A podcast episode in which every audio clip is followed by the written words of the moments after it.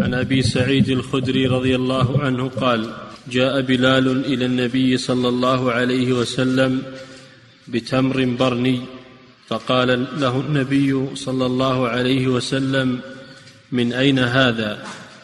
قال بلال كان عندي تمر رديء فبعت منه صاعين بصاع لنطعم النبي صلى الله ليطعم. ليطعم النبي صلى الله عليه وسلم. فقال النبي عند ذلك أوه أوه عين الربا لا تفعل ولكن إذا أردت أن تشتري فبع التمر ببيع آخر ثم اشتر به. نعم. هذا الحديث فيه أن بلالا رضي الله عنه بلال بن رباح مؤذن النبي صلى الله عليه وسلم كان يحب النبي صلى الله عليه وسلم حبا شديدا وكان ملازما له.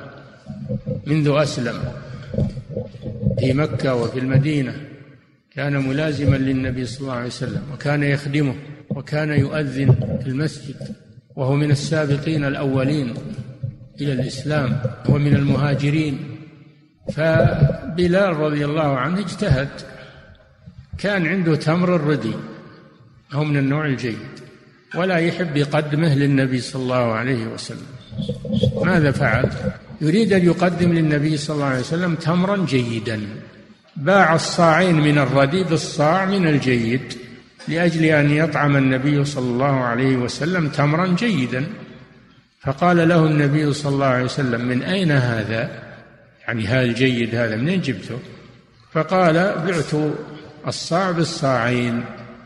كان عندي تمر ردي فبعت الصاع من فبعت الصاع من هذا بالصاعين من الردي فقال صلى الله عليه وسلم أوه كلمة تعجب كلمة تعجب واستنكار. عين الربا هذا هو عين الربا لأنه بيع تمر بتمر مع زيادة هذا عين الربا. والنبي صلى الله عليه وسلم كما سمعتم يقول التمر بالتمر مثلا بمثل سواء بسواء ولا ينظر إلى كون أحد النوعين أجود من الآخر. ما يقتضي هذا الزيادة في الجنس الواحد. طيب الناس ما هم مطيعين يبيعون علينا تمر ردي آه، يبيعون علينا تمر جيد بتمر الردي مع التساوي. ما هو بأخذ صاع ردي بصاع جيد؟ ماذا يفعل؟ أرشده النبي صلى الله عليه وسلم.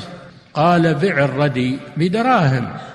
بع الردي بدراهم. ثم اشتر بالدراهم جيدا. اشتر بالدراهم تمرا جيدا. هذا هي الوسيلة إلى الحصول. إذا كان عندك نوع الردي من التمر أو من البر أو من الشعير وتريد نوعا جيدا فالوسيلة الشرعية أنك تبيع ما عندك من الردي ثم تأخذ القيمة وتشتري بها جيدا. أرشده النبي صلى الله عليه وسلم إلى الطريقة السليمة الخالية من الربا فصلوات الله وسلامه عليه ما أنصحه للأمة. فهذا الحديث يستفاد منه فوائد.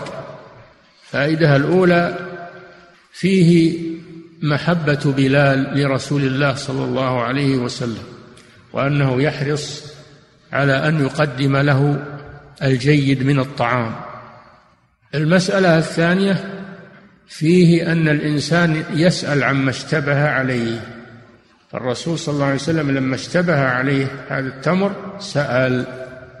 فإذا اشتبه عليك شيء فإنك تسأل لتستبرئ لدينك وعرضك كما قال صلى الله عليه وسلم. فمن اتقى الشبهات قد استبرأ لدينه وعرضه. قال عليه الصلاة والسلام دع ما يريبك إلى ما لا يريبك. النبي صلى الله عليه وسلم استفصل. لا يجوز أن الإنسان يقول ما علي.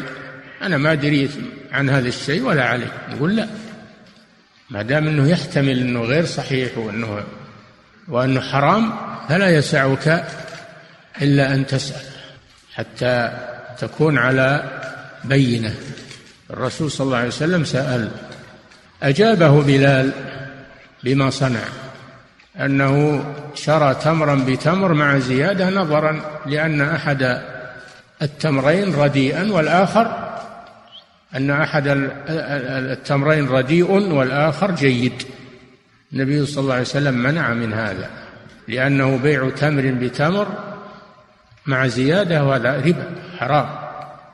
المسألة الثالثة في الحديث الطريقة الشرعية لمن كان عنده لمن كان عنده تمر أو أو بر أو شعير ردي وأراد الحصول على جيد أن الطريقة الشرعية أن يبيع الردي بدراهم ثم يشتري بالدراهم تمرا جيدا أو برا جيدا أو شعيرا جيدا. هذه هي الطريقة الشرعية السالمة من الربا. وكذلك مثلا اللي معه ذهب معه ذهب الردي ويبي ذهب جيد. ما يجوز له أن يشتري الجيد ويزيد من الردي كمية من الردي وأكثر من الجيد. هذا مثل بيع التمر الردي بالتمر الجيد ما يجوز. لكن الطريقة أنه يبيع الحلي اللي معه يبيع الحلي الذي معه بدراهم ثم يشتري بالدراهم حليا جيدا. فهذه قاعدة هذه قاعدة ومخرج من الربا. نعم.